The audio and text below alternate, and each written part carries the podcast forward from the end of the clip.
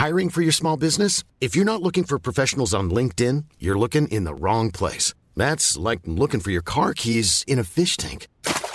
LinkedIn helps you hire professionals you can't find anywhere else, even those who aren't actively searching for a new job but might be open to the perfect role. In a given month, over 70% of LinkedIn users don't even visit other leading job sites. So start looking in the right place. With LinkedIn, you can hire professionals like a professional. Post your free job on linkedin.com slash people today. Hey Femke. Hallo. Hallo. Hey, ja, luisteraars, we zijn dus op vakantie, dus dit is allemaal helemaal niet live wat je hoort. We, Femke die is in Engeland en ik ben in Frankrijk, als je dit hoort. En we hebben een hele mooie zomerserie voor jullie achtergelaten met dingen die ons mateloos fascineren. Allemaal verrassingen voor jullie in petto. Maar uh, ik heb zo zin in na de vakantie. Waarom dan? Nou, waarom dan? Omdat we dan die cursus voor jezelf beginnen gaan doen. Oh ja, daar heb ik ook zin in. Ja, met een klein groepje vrouwen. Die gaan we heel persoonlijk begeleiden. Samen met ondernemerscoach Jolanda Wiegerson. We gaan zes weken lang gaan we ja, Jolanda en ik, maar jij ook een beetje erbij. Gaan we een groepje leuke vrouwen helemaal coachen van begin van het ondernemerschap naar echt starten. Ja, van de smoesjes ja. om niet te durven starten naar wel starten, een businessplan schrijven en uh, je verhaal helemaal op orde krijgen, beseffen hoe je klanten gaat werven, hoe je een website moet maken ja. als je die wil hebben. En al echt uh, ja, beginnen. Ja, echt beginnen. En hoe je van een gesprek een salesgesprek maakt. Dus echt helemaal van begin tot eind in zes weken. Je kan, het is allemaal online. Je kan het gewoon buiten je werk doen, uiteraard. Uh, we gaan elke week livestreamen. We hebben een WhatsApp community. Uh, je kan altijd mij en Jolanda rechtstreeks vragen stellen. Ik ben nu al in contact met een heleboel vrouwen die mee gaan doen. Uh, het moet een klein select clubje worden. Dus kijk en, even. En, en als ja? einde, Ja. vind ik zo leuk, komen ze hier ook allemaal op de gracht. Hè? Ja. Gaan we met z'n allen alle borrelen. En dan heb je gewoon een heel netwerk van ondernemers al Ja. eh, als eh, je ondernemersvriendinnen. Dus volgens mij is het helemaal top. Het wordt hartstikke leuk. Uh, www.saarmagazine-cursussen.nl slash eindelijk voor jezelf beginnen. Ga eens even kijken. Misschien is het iets voor jou. En uh, als je het echt heel duur vindt, dan kan je ook gespreid betalen. Hartstikke goed. Veel plezier met de podcast. Hallo, welkom bij deze speciale podcast over de cursus Goed idee voor jezelf beginnen op je vijftigste. We hebben vandaag de gast Jolanda Wiegerson, want met Jolanda heb ik de cursus gemaakt. En ik ben Barbara van Erp, oprichter van Star Magazine. Ik ben dus nu ondernemer en een paar jaar geleden voor mezelf begonnen. En Jolanda is ondernemerscoach en begeleidt al jaren vrouwen die voor zichzelf willen beginnen of al begonnen zijn en wel een steuntje in de rug kunnen gebruiken. Jolanda maakt ze meer succesvol. Uh, welkom Jolanda. Ja, dankjewel. Dankjewel voor de uitnodiging. Leuk om hier te zijn. Ja, nee, we gaan dus dit uh, speciaal doen voor al onze lezeressen die denken: Goh, zal ik die cursus gaan volgen? Zal ik voor mezelf beginnen of niet? En zo kunnen we ze in dit gesprek een beetje laten kennismaken met wat hun te wachten staat en wie hun um, ja, soortgenoten zijn en waar je aan moet denken als je voor jezelf gaat beginnen. Uh, kan jij iets vertellen? De vrouwen die bij jou komen, wat hebben, is er een, um, een gemene deler waar je hun onder kunt scharen, zeg maar? Wat, wat is nou typisch uh, uh, voor hun? Wat is typisch voor hun? Um, nou ja, er is natuurlijk geen vrouw gelijk. Hè? Laten we daar in ieder geval duidelijk over zijn. Wat ik wel zie is dat um, een groot gedeelte van de vrouwen heeft een, een verlangen. Ja. Is ergens in het bedrijfsleven uh, tegen wat problemen aangelopen. Dat zie ik ook heel veel. Heel Ja? veel van mijn klanten hebben ooit een burn-out gehad. Dat hoeft zeker niet altijd zo te zijn. Ja? Maar ik zie wel dat, uh, dat vrouwen vastlopen. Dat zijn in ieder geval de vrouwen die bij mij komen. Hè? Ja, ja, snap ik. En um, ja, het verlangen om het anders te doen. En Ja. kiezen echt voor zichzelf. Dat vind ik wel echt een grote gemene deler, zeg maar. Ja, Ja, want als je bijvoorbeeld een burn-out hebt of je loopt vast in je carrière. Ik kan me gewoon zo voorstellen, je bent, je bent jong, je hebt ambities, je, gaat, eh, je bent in je twintigers, je gaat er heel hard voor werken, in je dertigers ook nog. Eh, ben je veertig, dan heb je het een beetje bereikt. Nou, dan ga je het een beetje uitmelken. En dan ben je vijftig en dan kan ik me voorstellen dat je op een punt komt dat je denkt... ja, wat, hoe ga ik nu nog verder? Want kan je, je gaat niet meer echt naar boven, denk ik, als je binnen een organisatie werkt. Je krijgt het gevoel van nu, vanaf nu blijft het allemaal een beetje hetzelfde. Ja. En je gaat ook meer aan jezelf denken. Is dat ook een, een trend die jij ziet? Nou ja, het is grappig dat je zegt van nou, hè, gaan steeds Ja? Mhm. een treedje naar boven. Ik denk dat ook heel veel vrouwen helemaal niet specifiek die ambitie hebben om Oh ja. de top te bereiken. Hè. Dat past misschien heel erg bij jou. ja, precies. Ja, nee, daar ga ik weer. Ja. Maar er zijn ook heel veel vrouwen die. ehm, nou, wat ik, wat ik bijvoorbeeld zie, eh, vrouwen die wetenschappelijk zijn eh, opgeleid. en erachter komen dat er ook nog veel meer is dan bijvoorbeeld alleen die wetenschap. Ja. En daar helemaal in vastlopen en ongelooflijk de behoefte hebben om zichzelf te ontwikkelen. En eh, ja, ook hele andere dingen van zichzelf te ontdekken en te ontplooien. Dat is wel wat Ja. ik vaak, eh, vaak zie. Ja. ja. Ja, en zeker niet altijd om de top te bereiken of veel geld te verdienen. Nee. Juist, ehm, in ieder geval dat zijn de mensen die bij mij komen, Mhm. juist om zich persoonlijk te ontwikkelen. En ehm, ja, ook, eh, ook de ambitie die ze hebben om die waar te maken. Ja. En echt voor zichzelf. Dus ik zie die, eh, dat ondernemerschap zie ik ook echt als een soort persoonlijke ontwikkelingsreis. Zo, zo kan ik het wel eh, zeggen, ja. Ja, Ja. nee, dat, dat, dat, dat zie ik ook heel erg. Zo zie ik hem ook, zeg maar, binnen de cursus. De bedoeling daarvan is Ja. ook van, hè, loop je vast in je werk. eh, het is wel echt bedoeld voor vrouwen die al een carrière een beetje nou ja, gedaan hebben... of veel, veel gewerkt hebben en nu denken van, goh... eh, ik zou wel eh, wat meer eh, tijd voor mezelf willen hebben. Wat meer echt mijn eigen interesses willen ontplooien. En niet in het stramien willen leven van een organisatie, zeg maar. Ja, ja. En, en wat dan belangrijk is om te weten, is dat als je de cursus koopt, ben je nog geen ondernemer, hè?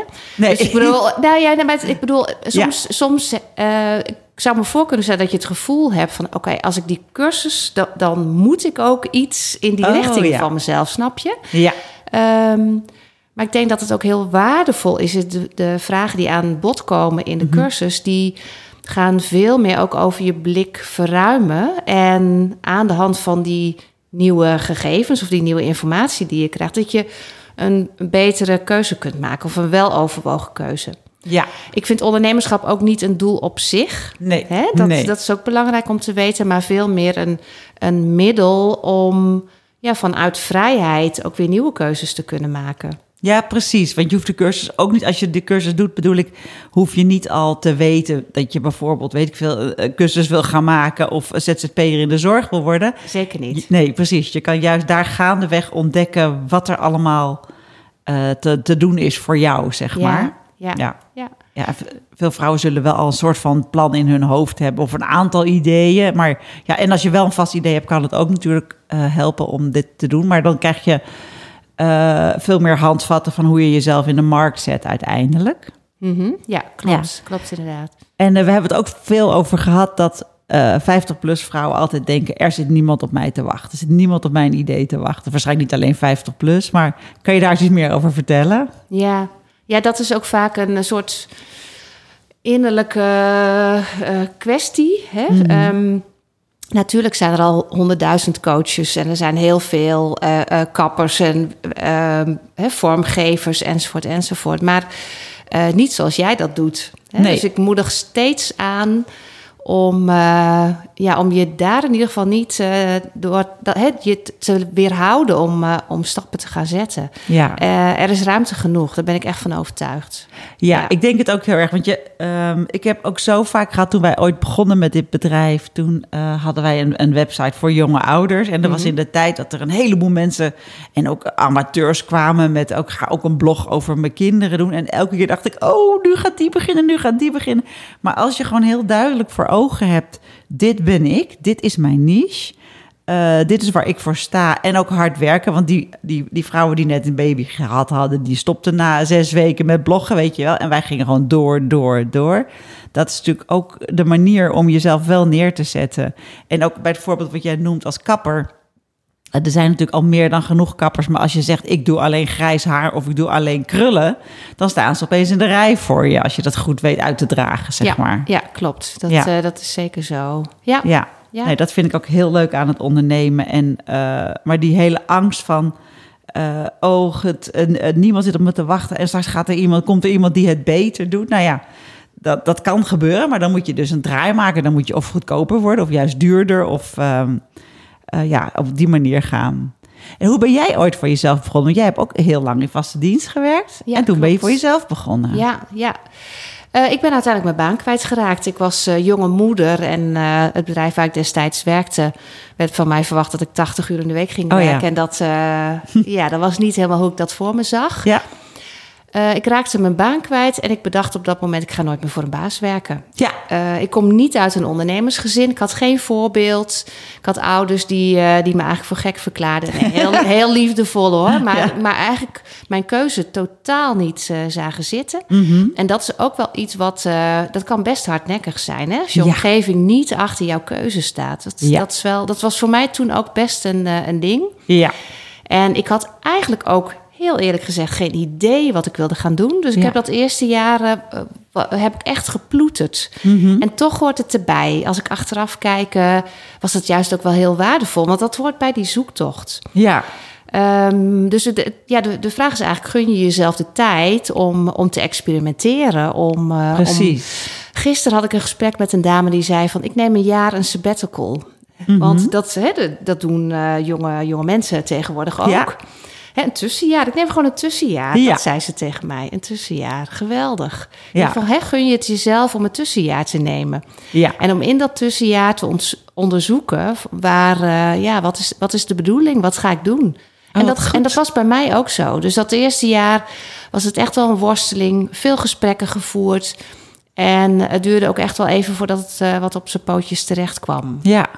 Ik heb precies hetzelfde gedaan. Ik dacht Ja? ook op een gegeven moment... Ik werd ook... Mijn jaarcontract werd dan niet verlengd. En ik voelde gewoon...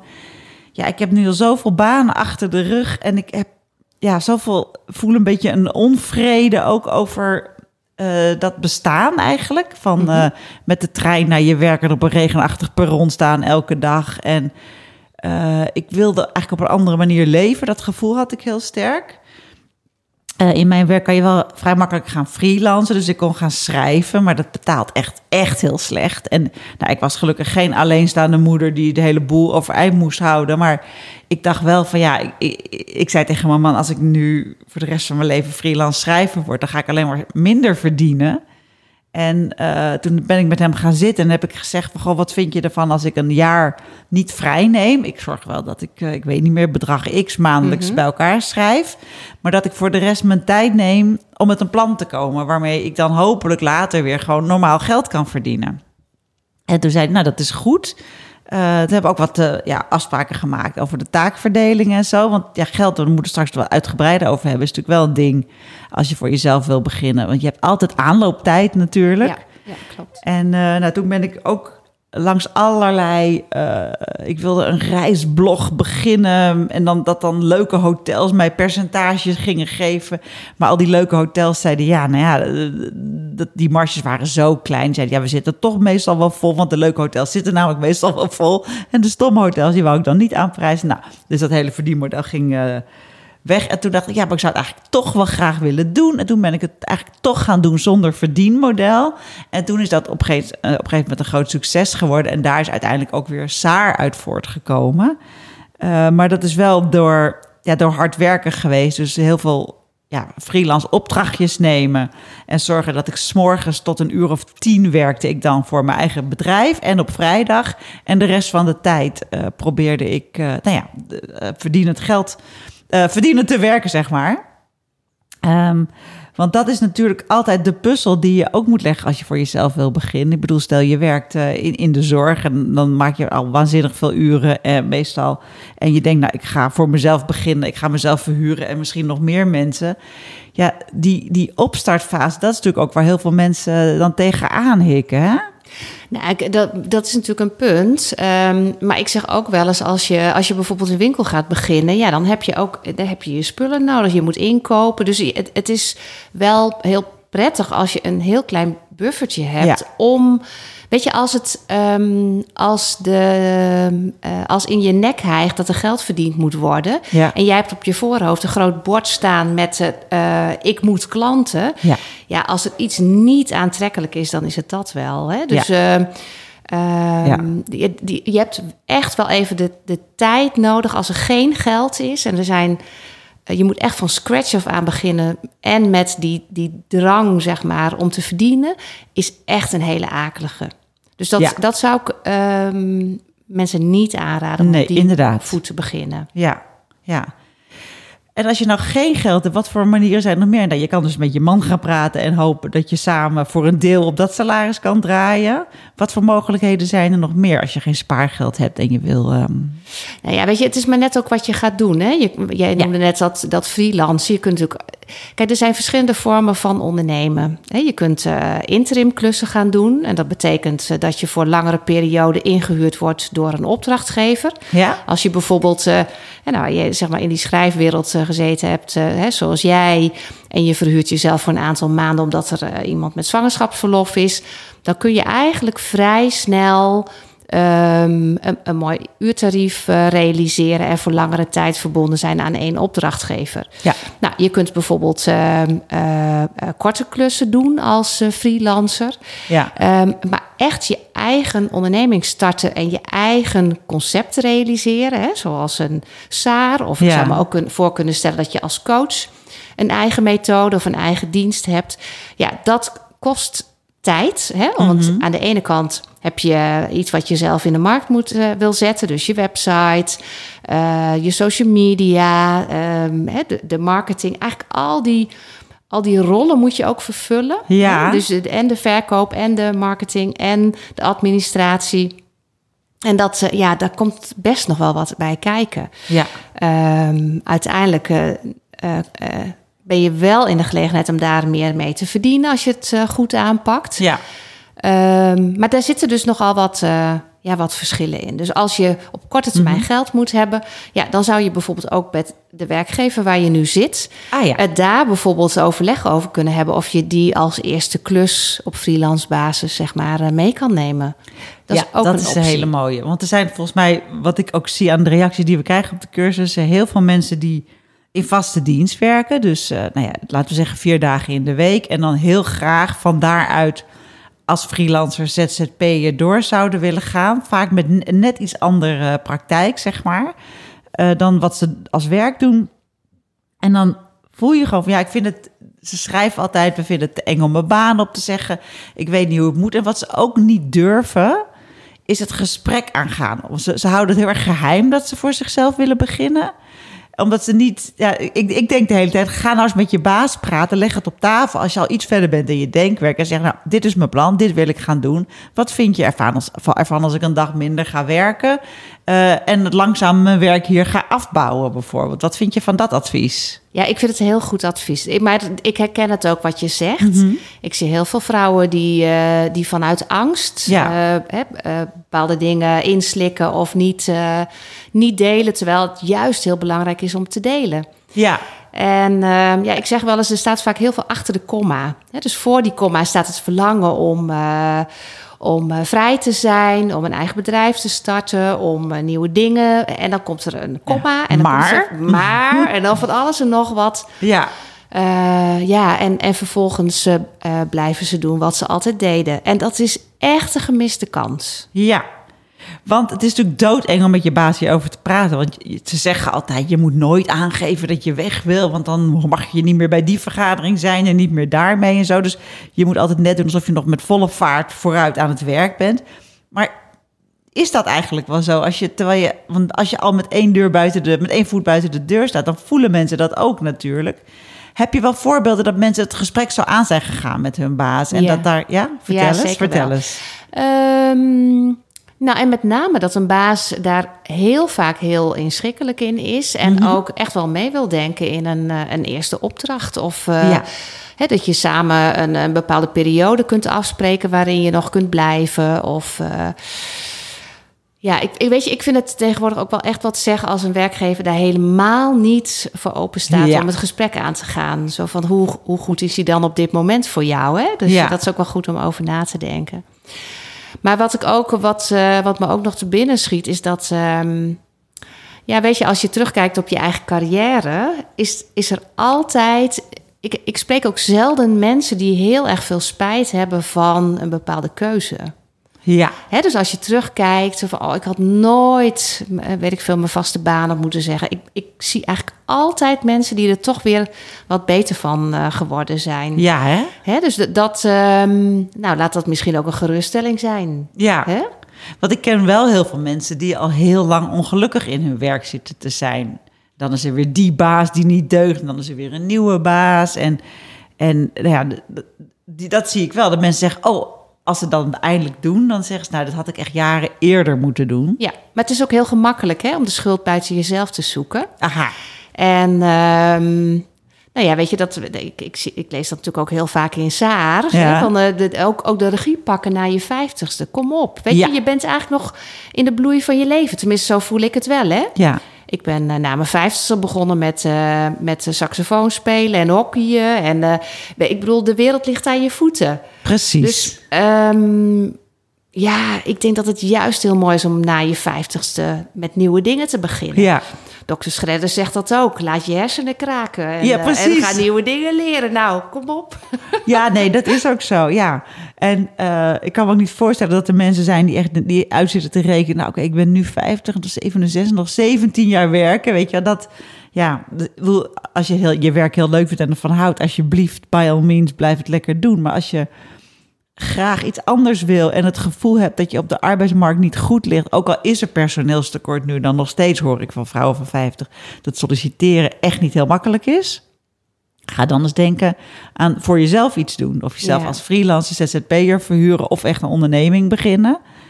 Maar ja. ja, dat is wel echt fantastisch. Nou ja, en, en ehm, let dus ook op je, op je eigen taalgebruik. Hè? Als je zegt van, ehm, nou, ik, ik kan het niet... of ik, ik kom niet uit een ondernemersgezin... of eh, eh, het, ja, het effect zeg maar, van, van je woordkeuze... heeft ook vaak heel veel impact eh, op werkelijk de keuze. Het klinkt als een soort van open deur... Ja, nee. maar is het, is het de waarheid, hè? Ja, Als je, als je niet uit een ondernemersgezin eh, komt, ja, waarom zou je niet kunnen, kunnen ondernemen? Als je in je werk zeg maar goed presteert ja, en je doet daar mooie dingen in, dan kun je dat ook prima voor jezelf. ja. Maar we zitten altijd allemaal vast in een verhaal over onszelf. Exact. Ja, waarbij we inderdaad eh, ja, beperkende overtuigingen hebben...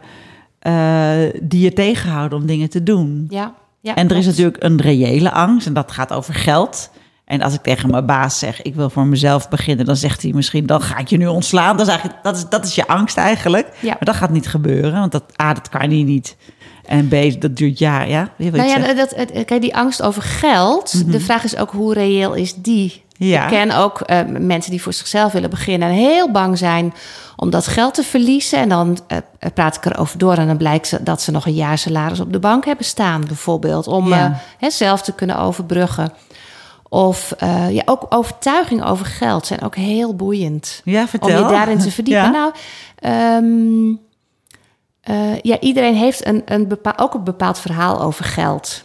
En Ja. geld en waarde en, en eigenwaarde, ja, dat, dat hangt allemaal aan elkaar. Ja. Dus dat is, nou, kijk maar eens hoe, hoe, je, hoe je dat zelf ervaart. Eh, Nou, klopt. Ik heb bijvoorbeeld, ik heb geen pensioen en mijn man ook niet. We zijn allebei ZZP en we hebben nooit gespaard. Nou hebben we dan een huis met overwaarde, maar goed, daar moeten we in wonen.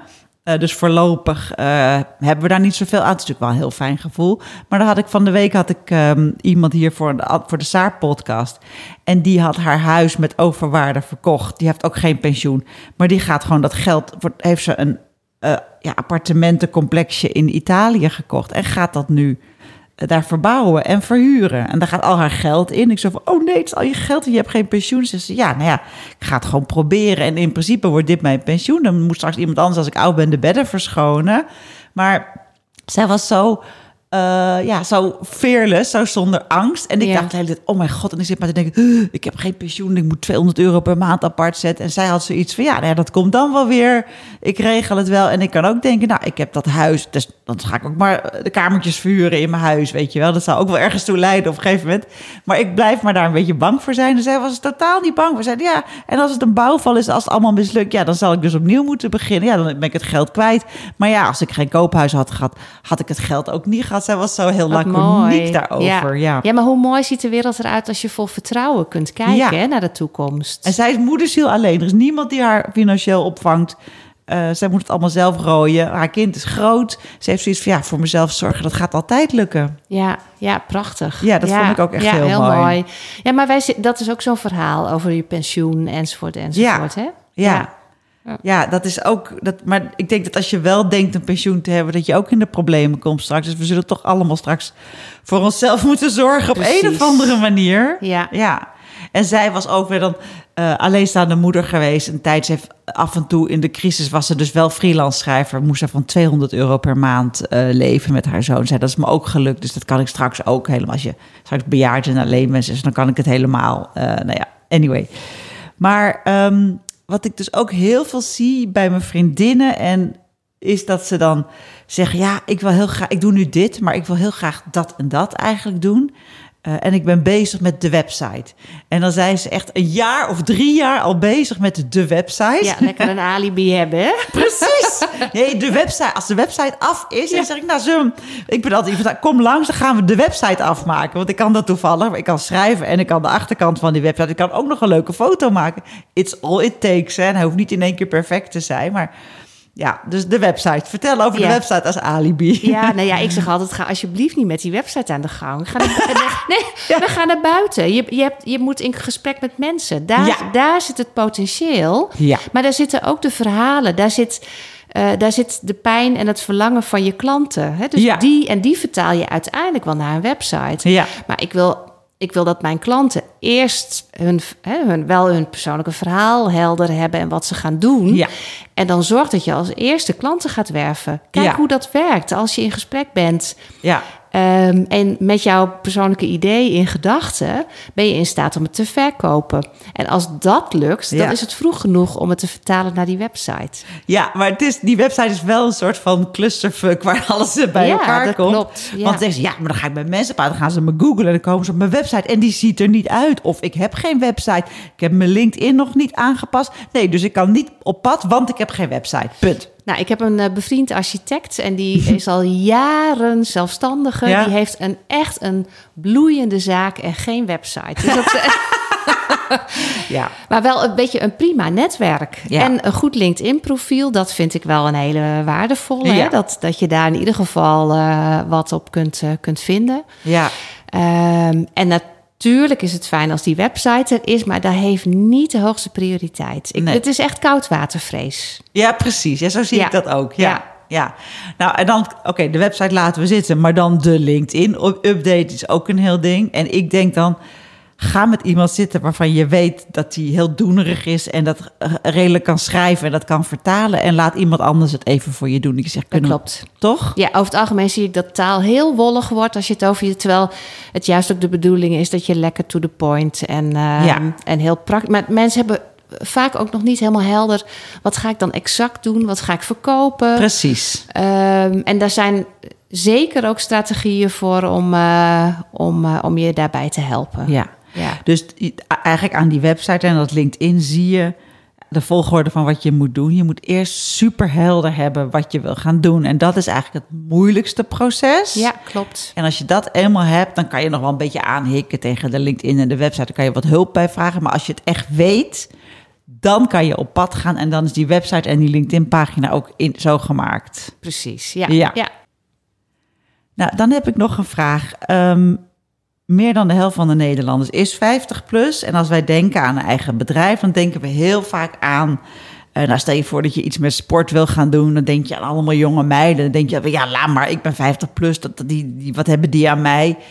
Terwijl je moet die 50 plus ook echt als doelgroep gaan zien. Je zou dus kunnen denken, nou, ik word personal trainer en ik ga eh, leuke 50-plussers trainen. Die helemaal. nou Ehm, zullen we daar eens een beetje over brainstormen? Over wat je allemaal kan doen met die 50-plussers, Mark? Want er is bijna niemand die zich daar specifiek op stort. We hadden het net al over die kapser. Die kan zich gaan, eh, gaan specialiseren in grijs haar of grijs worden. Vind ik trouwens een top idee. Ik ken ze nog Ik niet. vind het briljant, Barbara. Ja, ik wil. ik ken zoveel vrouwen met geverfd haar die denken: hoe word ik ooit mooi grijs? Ik wil niet een jaar lang lijden onder die uitgroei. Nou, dat is plan 1. Dat mogen jullie hebben. Alsjeblieft, begin in elke grote stad. Begin er één, want die hebben we nodig. Eh, wat, ja, je, je zei net iets, eh, iets interessants over, eh, hoe je de, over je ideale klant. Ja, nou ja, Wat, ik, wat ik heel vaak zie bij mijn klanten althans, is dat je zelf je ideale klant bent, maar dan zoveel jaar terug. Stel je voor dat je. mm, eh, nou, ik heb bijvoorbeeld een klant die had eh, in de periode van de overgang heel veel last van, eh, van allerlei vage klachten. En daar is zij zich in gaan verdiepen, want ze kon eigenlijk ze kon niet bij de huisarts terecht, ze kon niet bij enzovoort enzovoort. En inmiddels heeft zij een ontzettend mooie praktijk, ehm, waarbij zij echt een specialist is op het gebied van, van hormonale klachten. Ja, En ze heeft er een boek over geschreven, een kookboek, eh, met, met alles erop en eraan. Nou, dat vind ik een zo'n voorbeeld van dat, je, dat het best kan zijn dat je ideale klant bent, maar dan zoveel jaar geleden. Toen, hè, jij liep bijvoorbeeld tegen iets aan. ja. Ehm, Je bent er het- doorheen Je bent er gegaan. doorheen gegaan, Ja. je kon het niet vinden. Eh, het was echt een zoektocht en dat wordt jouw, jouw product of dienst. ja, dat zie ik ook heel erg veel inderdaad. Ja, dat is een hele mooie. En daar kan je ook echt uit je ervaring putten. En dan zit je passie er ook. En dan heb je ook al die research er gedaan, Ja. al van nature, zeg maar. Ja, klopt. Ja. Ehm, maar, en, wat ik ook een hele mooie vind, ehm 50-plussers die hebben, vind ik over het algemeen ook wel wat meer hun, hun identiteit uitgekristalliseerd. Hè? Waar zijn ze van? Wat vinden ze belangrijk? Ik heb bijvoorbeeld een vriendin die is jaren, dat is eigenlijk een beetje ook een soort van verschuiving van haar activiteiten. Zij was al ondernemer, zij was eh, jaren trendwatcher, vloog de hele wereld over. En zij vond, voelde zich steeds meer schuldig als het gaat over het vele vliegen en het reizen en eh, meedoen aan die wegwerpmaatschappij. En eh, inmiddels heeft zij het, het roer omgegooid. En is ze eigenaar van voedselborden. Hè? Dus eh, zij ontwerpt nu tuinen. En Oh, juist vanuit die duurzame gedachten. En dat je eigenlijk hele mooie dingen uit je eigen tuin kunt. Dus het is echt vanuit een persoonlijke behoefte ook ontstaan. Ja, Ehm, ja, dus zo zie ik wel heel veel mooie dingen ontstaan. Hè? Bijvoorbeeld een klant eh, die na, eh, na kanker eh, een aantal boeken daarover heeft geschreven. Over een, een soort van positieve mindset. Omdat Ja. zij ja, eigenlijk eh, heel veel negativiteit eh, tegenkwam.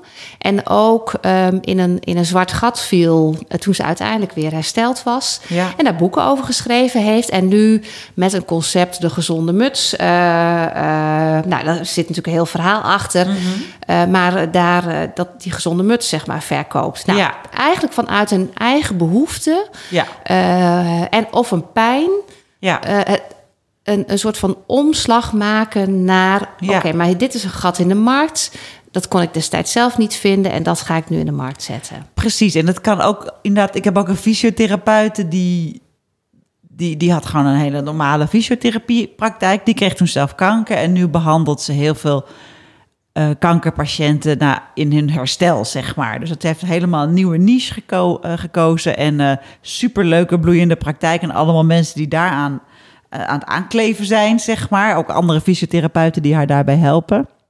En je kan het natuurlijk ook verzinnen voor veel luchtiger dingen. Als eh, mijn lichaam is gaan bobbelen. En welke kleding staat mij nou eigenlijk nog? Weet je wel, waarom kan ik, ik kan, niet meer naar de Zara? Want dat staat allemaal niet. Maar wat ga je dan wel kopen? Huh, er is niks. Nou, hup, dan gaan we zelf iets maken. Dat vind ik ook nog steeds eh, Ja. altijd een hele mooie. Ja, precies. Of ehm, weet je dat je. eh, ik, heb, ik had bijvoorbeeld van de week een klant die uit de wetenschappelijke hoek komt. En Ja. eigenlijk ongelooflijk dat contact met mensen miste. Ja, En ehm, eigenlijk met haar kennis, zeg maar, een soort van omslag heeft gemaakt.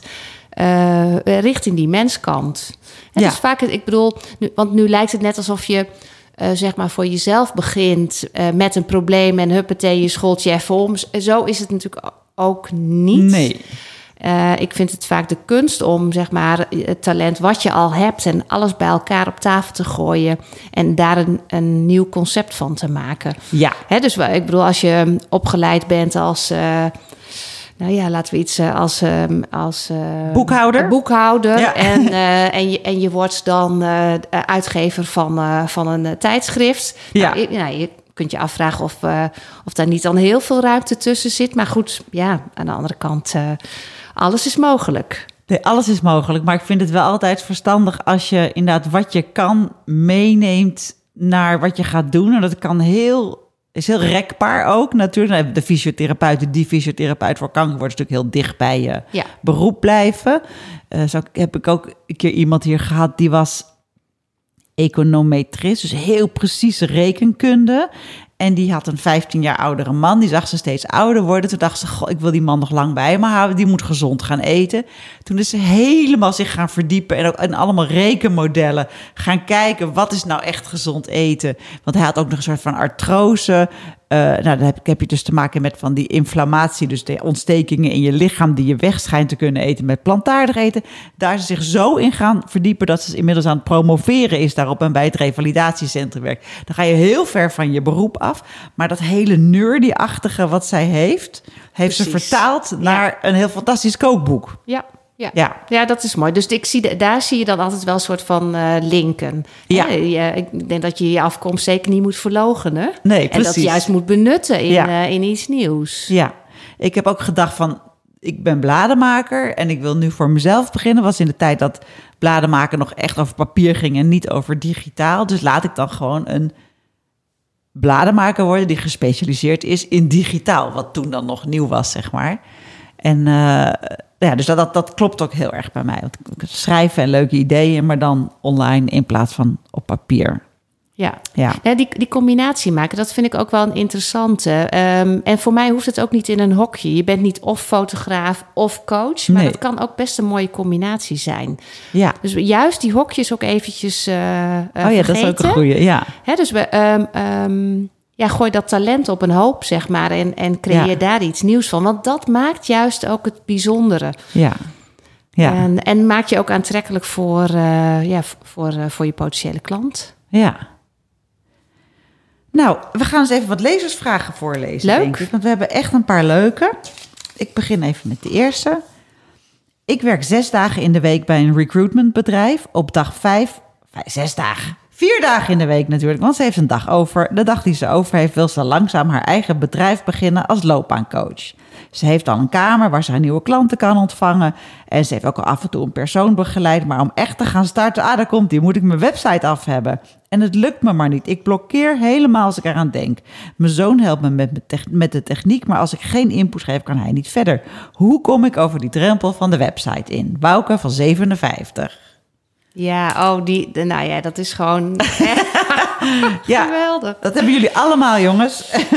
Ja, ja, ik denk dat het deze dame ontzettend helpt om ha- eh, haar doelgroep heel specifiek te maken. Want wie, eh, voor wie is ze loopbaancoach? Is, dat, is ze dat voor een jongere of juist een 50-plusser? En eigenlijk het allerbelangrijkste, maak contact. Ja, dus eh, laat die website alsjeblieft even achterwege en eh, ga in gesprek met, eh, met mensen. Ja. Eh, doe een oproepje op eh, LinkedIn. Ja. Ehm, Bijvoorbeeld door een onderzoekje te doen. Hè? Ik ben op zoek naar 50-plus vrouwen. Ik Mhm. noem maar iets die eh, zich oriënteren op de arbeidsmarkt. En ik zou je graag een aantal vragen willen stellen. Ja. Nou, dat maakt al zo'n soort van bruggetje naar dat eerste contact. ja precies. Je hebt niet zomaar een klant. Ik zeg altijd, Ja. het gaat over de no, like, trust. Ontmoeten, aardig vinden, Ja. vertrouwen. Ja, En dat, ja, dat, hoort, dat zijn allemaal elementen die bij de marketing horen. Ja. En dat gaat vooraf aan het binnenhalen van een klant. ja. En de eerste klanten zijn het moeilijkst. Daarna krijg je mond Klopt. tot mond. En ja, Ja. ja. Dus Wouke, laat die website maar even zitten. Gewoon, ga lekker aan het werk. Ja. En denk na over wat je aanbiedt, ja? Nou, en de vraag is, als je zegt van ik heb één dag, heb je dan ook echt één dag? Heb je echt Ja. acht uur om te werken, te Ja. bouwen aan je bedrijf? Ik zie dat, eh, dat van, die, van die ene dag, daar blijft vaak niet zo heel veel van over. Dus maak ook echt een plan. Wat ga je doen? Hè, wat wil je Ja. opgeleverd hebben aan, de, aan het eind van de dag? Ja. En met hoeveel mensen wil je een gesprek aangaan? Ehm, als jij aan het begin van de dag tegen een lege agenda aan zit te kijken en nog geen idee hebt wat je gaat doen, ja, dan kun je je voorstellen dat eh, voor de lunch is er nog niet echt veel gedaan. Nee. Nee, dan moet je, maak dan maar een plan voor de komende weken wat je gaat doen. Ja, ja. Ja. nee, dat is Ja. ook een hele goeie. En, en begin ook met het delen van je kennis. Dat is ook iets, hè? bijvoorbeeld ja, eh, op LinkedIn. Ja, eh, eh, deel wat je, wat je weet, want dat geeft vertrouwen. ja. Ja, en mensen zijn heel vaak ook bang, daar heb ik ook mee geworsteld, om te veel gratis weg te geven. Ja, maar dan ga ik mijn adviezen weggeven en dan moeten ze juist voor betalen en zo. Maar juist door veel kennis gratis weg te geven, zijn mensen bereid om naar je toe te komen en ervoor te betalen. Klopt, ja. En mensen moeten toch sowieso alles honderd keer horen voordat het beklijft. Dus je kan Zo het. is het. Ja, leuk. Eh, dan hebben we hier iemand zonder naam. Tijdens een vakantie op Bali liep, liep ik tegen een naaiatelier aan waar ze prachtige tassen maken. Ik wil die graag gaan herontwerpen, laten produceren en dan importeren naar Nederland. Ik wil ze op mijn website gaan verkopen. Maar hoe bepaal ik de verkoopprijs per stuk en hoe bepaal ik hoeveel ik er ga laten maken? Ja, ik vind het ook heerlijk, want ik heb al helemaal die persoon voor me. Wat voor, wat voor type dat is. Ja. Ja. dat is iemand die heel enthousiast is en creatief. En eh, mensen met die eigenschappen, die vergeten vaak het verdienmodel. Ja. Dus wat voor haar heel belangrijk is, waarom wil ik dit eigenlijk? Ja. Hè, dus ehm, voor jezelf onderbouwen, wat is mijn bedoeling met mijn onderneming? Wil ik daar inderdaad geld aan verdienen? Eh, moet ik mijn eh, huur ervan kunnen betalen? Dus begin met een ideale situatie voor jou waarbij het succesvol is. Ja. En ga dan rekenen. Hè, Een stip aan de horizon, waar wil ik het liefst naartoe? Ja, En ja. laat je niet beperken, zet die stip. Klopt, maar, maar in dit geval denk ik dat het voor deze dame ongelooflijk belangrijk is om eerst te weten wat wil ik eraan verdienen. Hè? Dus als ik, eh, eh, stel je voor, ik wil onderaan de streep eh, 3000 euro netto in de maand er aan overhouden. Ja. Hoeveel tassen moet ik dan eigenlijk verkopen tegen welk, welke prijs? Ja, misschien is het er maar één. Misschien is het er maar één, Ja. als het een hele exclusie- exclusieve tas is. Ehm, maar dat geeft vaak, eh, dat zet je wel met beide benen op de grond. Ja. Want het gaat niet zozeer om het tarief van die tas, of de, maar wat, wat is het gro- de grotere gedachte voor jou erachter? Ja. En is het een hobby, joh, dan maak er wat leuks van en importeer een paar van die tassen. Maar als, het, als je daar echt je boterham aan wil verdienen, zorg dat je voor de tijd dat verdienmodel helder hebt. Ja, ja. En dan vind ik het ook altijd nog heel leuk om na te denken over de markt. Bij tassen een beetje moeilijk, maar eh, ik heb ooit met iemand gepraat die een kinderwagen wou doen. En toen wa- was er een hele slimme man bij en die, die zei, ik wil een kinderwagen gaan maken en die gaat eh, 1000 euro kosten. En toen zei die man, hoe druk is het precies op die markt van kinderwagens van 1000 euro? Nou, heel druk, want ze kosten allemaal 1000 euro, zei ze toen heel enthousiast. En toen zei hij, ja, dan zou ik dus of heel goedkoop zijn. Maak er een van 200 euro. Ja, dat kan niet. Ja, oké. Maak hem dan heel duur. Maak hem dan 3500 euro. Ja, maar dan verkoop ik hem minder. Ja, maar dat maakt niet uit. Dus echt wel heel erg kijken met wat is je prijsstelling. En, ehm, Precies. Ja. En klopt die wel? En misschien wel deze vrouw het wel doen om die mensen in het naaiatelier aan het werk te houden. En dat is ook hartstikke mooi. Dat is heel mooi. Ja, en dan, zeker. dan zorg dan dat je je kosten eruit krijgt. En, eh, Ja. ja. Nou, ik vind het ook altijd belangrijk. Ga met mensen praten die, ver- hè, die, die hetzelfde doen. Of die de ervaring hebben op, Ja. dat, eh, op dat vlak. ja. Eh, dat zeg ik sowieso vaak. Hè, van neem adviezen aan van eh, twee typen mensen. Of iemand die succesvoller is dan dat jij bent. Of, ehm, eh, of degene die in de basis jouw ideale klant zou kunnen zijn. ja. Maar eh, tips en adviezen aannemen van familieleden, van weet ik Oeh, veel. nee. Mensen die het allemaal heel goed bedoeld hebben. Ja, die gaan je niet verder helpen. Absoluut niet. Daar moet je echt niet naar luisteren. dat is mijn ervaring ook. Die, ja. mensen komen met allerlei adviezen. En, eh, maar ik merk wel, en dat zullen de luisteraars ook hebben... het is best wel moeilijk om te gaan praten met iemand... die al doet wat jij wil gaan doen. Dan denk je, die denkt vast dat ik een concurrent ben. Of je ziet hem zelf als concurrent. Of je zit al een beetje te haat kijken op die Instagram. Van, oh nee, dat zou ik echt veel beter doen. Dat zou ik veel leuker doen. En terwijl je al die gevoelens hebt... moet je diegene dan gaan opbellen... en gaan zeggen, goh, zou je me advies willen geven... want ik word je nieuwe concurrent. Ja, ik snap dat dat wat gevoelig ligt. Maar over het algemeen vinden mensen het wel heel leuk om eh, hun successen en Ja. ook de dingen waarin, waarin ze gefaald hebben, om die te delen. Dus Ja. ja, of het moet echt, weet je, het moet echt eh, blijken dat je, dat je direct een concurrent bent. Ja, Maar twee, twee grijze kappers naast elkaar in dezelfde straat. Precies. Ja. Nee, dat is mijn ervaring ook. Ik heb een eh, eh, ontzettend succesvolle collega-uitgeverij, zeg maar. Die, eh, die maken content voor mannen. We zijn een totaal andere doelgroep. Maar ik denk, ik, ik zit één keer per jaar met die man te praten, die helemaal over online uitgeven. Zo. En ik denk elke keer, wow, hij maakt gewoon twee uur tijd voor me. Hij had gezegd van, nou, ik dacht dat het maar een uurtje had, maar blijf maar praten, blijf maar praten. Dat is ook gewoon dat het gewoon super leuk is om over je eigen bedrijf te praten. ja, en wat je allemaal tegenaan loopt aan iemand die geïnteresseerd is in al die details. Ja, mooi. Ja, had laatst ook iemand die cursussen wilde gaan maken. En eh, het is gewoon enig. Die liep met dezelfde vragen rond als ik drie jaar geleden. Weet je, hoe doe je dat dan? En, en je moet niet te veel gratis weggeven. En, en je moet je stilhouden, want er zijn concurrenten. Ja, daar ben ik allemaal doorheen gegaan. Het is gewoon super leuk om iemand daarover gerust te stellen Precies, eigenlijk. Ja, zo is het. Ja, nee, dat is wel echt een hele goeie. En dan natuurlijk, ja, advies is er ook om te verwerpen soms. Dat je denkt van, ja, dat, dat, dat, eh, ik ga het gewoon wel, ik ga ze wel paars maken, die tassen. Ja hoor, nee. Ook al zegt ze van niet. Daar hou ik ook van. Daar hou ik ook van. Hè? Dat, je, dat je gewoon je eigen. En, en weet je, soms eh, maak je fouten, dat hoort erbij. Ja, ja dat, dat ga je sowieso doen trouwens. En die herstel je dan en dan ga je weer door. Precies. Eh, ook een leuke. Ik heb een cateringbedrijf waarin ik alles zelf doe. Het loopt goed. Ik ben er razend druk mee. Ik moet zelfs vaak nee verkopen omdat ik het niet aan kan. Dus nu sta ik voor de keuze personeel inhuren of nee blijven verkopen. Hoe kijken jullie daarnaar? Ja, weet je, ik vind deze vraag ook weer eh, best lastig om zo te beantwoorden. Ja. Want het gaat er ook om, waarom ben je gestart met dat bedrijf? Ik bedoel, mijn eerste ingeving is catering.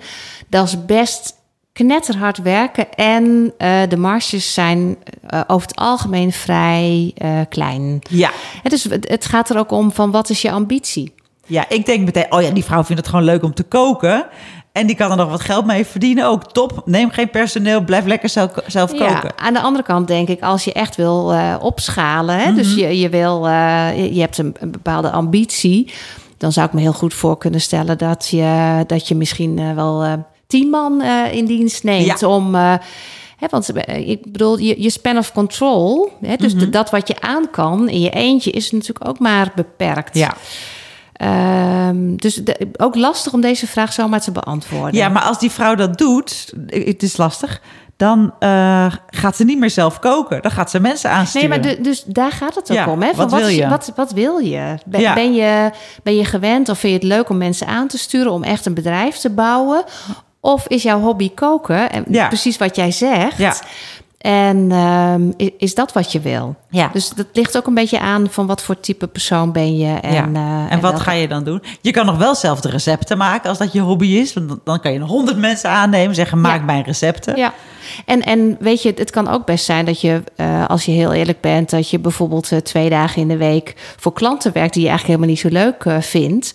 Dus je zou ook de krenten uit de pap kunnen halen en Ja. je specialiseren. Ja. En daarmee, hè, dus het, het klantenaantal misschien nog wel iets reduceren, maar Ja. wel de leuke dingen doen. Ja. Dus die kant kan het ook op gaan. Precies, als je nee moet verkopen is dat heel fijn, want dan kan je keuzes gaan maken. Dit doe ik nog wel. Ik doe alleen nog maar taart. Ja, En ik doe geen eh, ingewikkelde soepen meer. precies.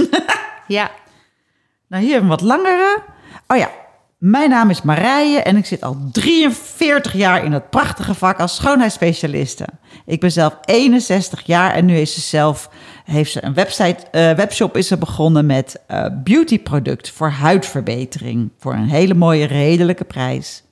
Mijn uitdaging is nu om mijn private label onder de aandacht te brengen van vrouwen boven de 45 jaar die op zoek zijn naar een prachtig product voor een goede prijs die de huid daadwerkelijk gaat verbeteren. Hoe kan ik dat het beste aanpakken? Ja, Hoe kan ik dat het beste aanpakken?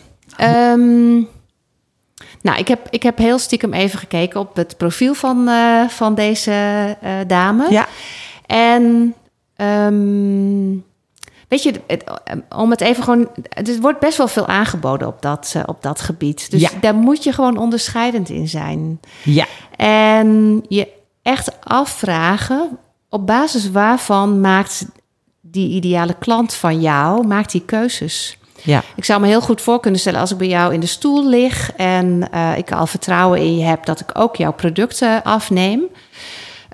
Dat- ik bedoel, als ik naar mezelf kijk, heb ik dat zo ook gedaan. Hè? Ja. Van, je, je ligt bij een schoonheidsspecialist in de stoel. En daar, wordt, eh, daar worden zeg maar, producten aangeboden. En je raakt erover in de, aan de praat. En dat geeft gewoon het vertrouwen, die basis is gelegd. En dan ga ik daarvoor kiezen.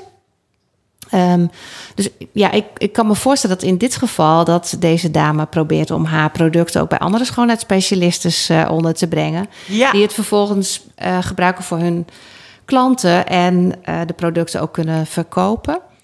Ehm, Ja. en uiteindelijk gaat het hier ook over be- bewijslast. Dat is een van, de, hè, van, de, van de redenen waarom mensen dingen kopen. Van, Ja. be- bewijs het maar eens. Laat het maar eens zien Ja.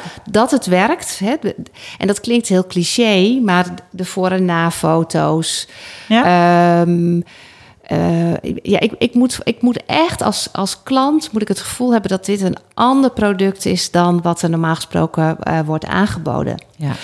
Je zou ook kunnen denken aan ehm, eh, werken met, ehm, ja, bijvoorbeeld met een bekende Nederlander. Hè? Dat Ja. werkt toch ook altijd. Hè? Ja. Dat jouw product hangt aan, aan iemand waar we allemaal naar kijken. En eh, die, eh, die er nog heel fris en fruitig uitziet, bijvoorbeeld. Ja. Dat kan ook werken. Dus Slim. Ja, je hebt eigenlijk heel veel manieren om, ehm, om je product zeg maar, aan de man te brengen. God, ik vind jou wel goed in je werk hoor. Ja, je zit vol advies. Ik vind het echt zo leuk. Ja, nou ja, weet je, kijk, als ik met iemand in gesprek eh, ga, dan, eh, dan komt er vaak ook wel eh, ook hele andere dingen boven tafel. Mhm. Maar dit is zo even wat, ja, Ja. wat ik voor haar Ja. heb. En ze kan je ook Ja. niet tegenspreken nu. Van, heb ik al geprobeerd, Ja, precies. niet. Ja. Ehm, dan hebben we de laatste alweer. Ehm, deze vrouw kreeg twee jaar geleden de diagnose borstkanker.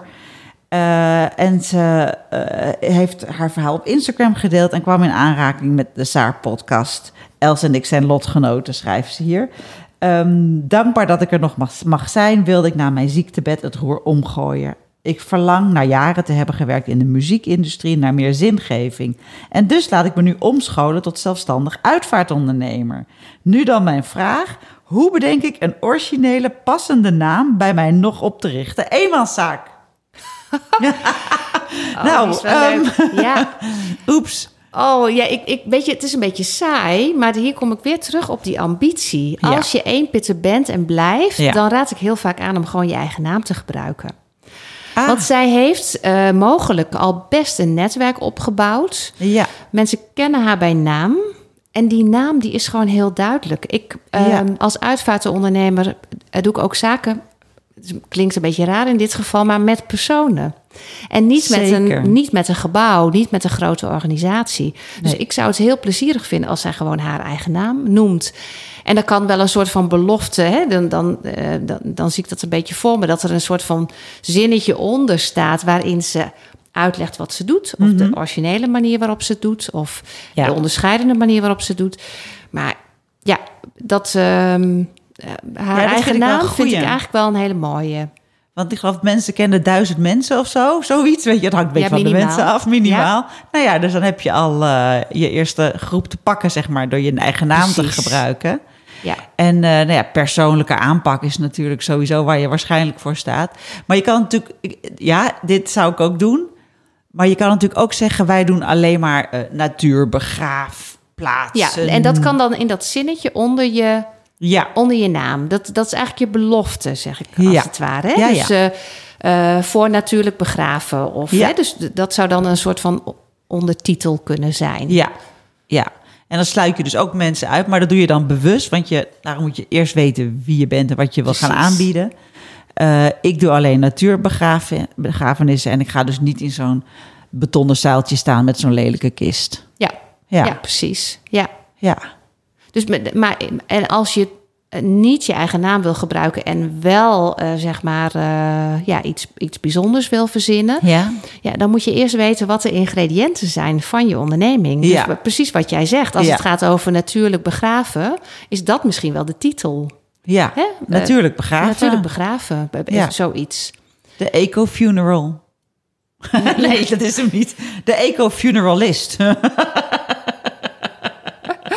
Nee, Nou. eh, maar eh, ehm, het is ook ontzettend leuk om, da- om daarover te brainstormen. Ja. Ik ehm, reed vanochtend ehm, richting eh, Amsterdam. En eh, ik zag daar een eh, vrachtwagen of een, een wagentje. En dat was een hovenier en die heette Outlook. Vond Oh. ik ook gewoon een heerlijke naam. Weet je, maar dat, die je komt kijkt tot naar buiten, je, naar je tuin, uit, Outlook. En dat komt tot stand omdat je daar lekker over gaat brainstormen. Alles kan. Doe dat met een aantal personen. Ja. Hè, lekker aan de keukentafel. Ehm, Ik vind het wel een slechte naam hoor, Outlook. Want, een tuin is altijd je uitzicht vanuit je woonkamer. ja, maar weet je, hoe ga je het anders noemen? Ik, vind- nou ja, weet je, dat, dat kwam zo even in me op. Net even wat anders. Nee, het is leuk, maar ja, ik weet nog, nog steeds niet wat die meneer nou voor tuinen aanlegt, precies. Nee, precies. Nee, nee, dus heel goed is hij niet. Nee, maar inderdaad, ja, dan wordt het brainstormen. En, eh, maar goed. Ehm, ja, we gaan er een einde aan maken. Eh, we hopen dat je de grote stap gaat zetten. Eh, wij zullen je steunen. Laat het ons weten. We zijn echt heel benieuwd. Jolanda, dank voor je komst. Heel graag gedaan. Vond het superleuk om te doen. Nou, ik vond het ook heel leuk dat je er was. En ik hoop, jongens, dat jullie er wat aan hebben. En dat alle vrouwen die vastzitten en dit horen, de grote sprong gaan wagen. Succes.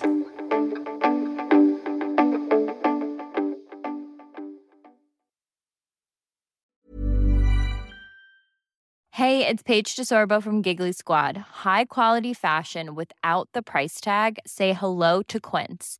I'm snagging high-end essentials like cozy cashmere sweaters, sleek leather jackets, fine jewelry, and so much more. With Quince being 50 to 80% less than similar brands. And they partner with factories that prioritize safe, ethical, and responsible manufacturing. I love that. Luxury quality within reach. Go to quince.com slash style to get free shipping and 365 day returns on your next order. Quince.com slash style.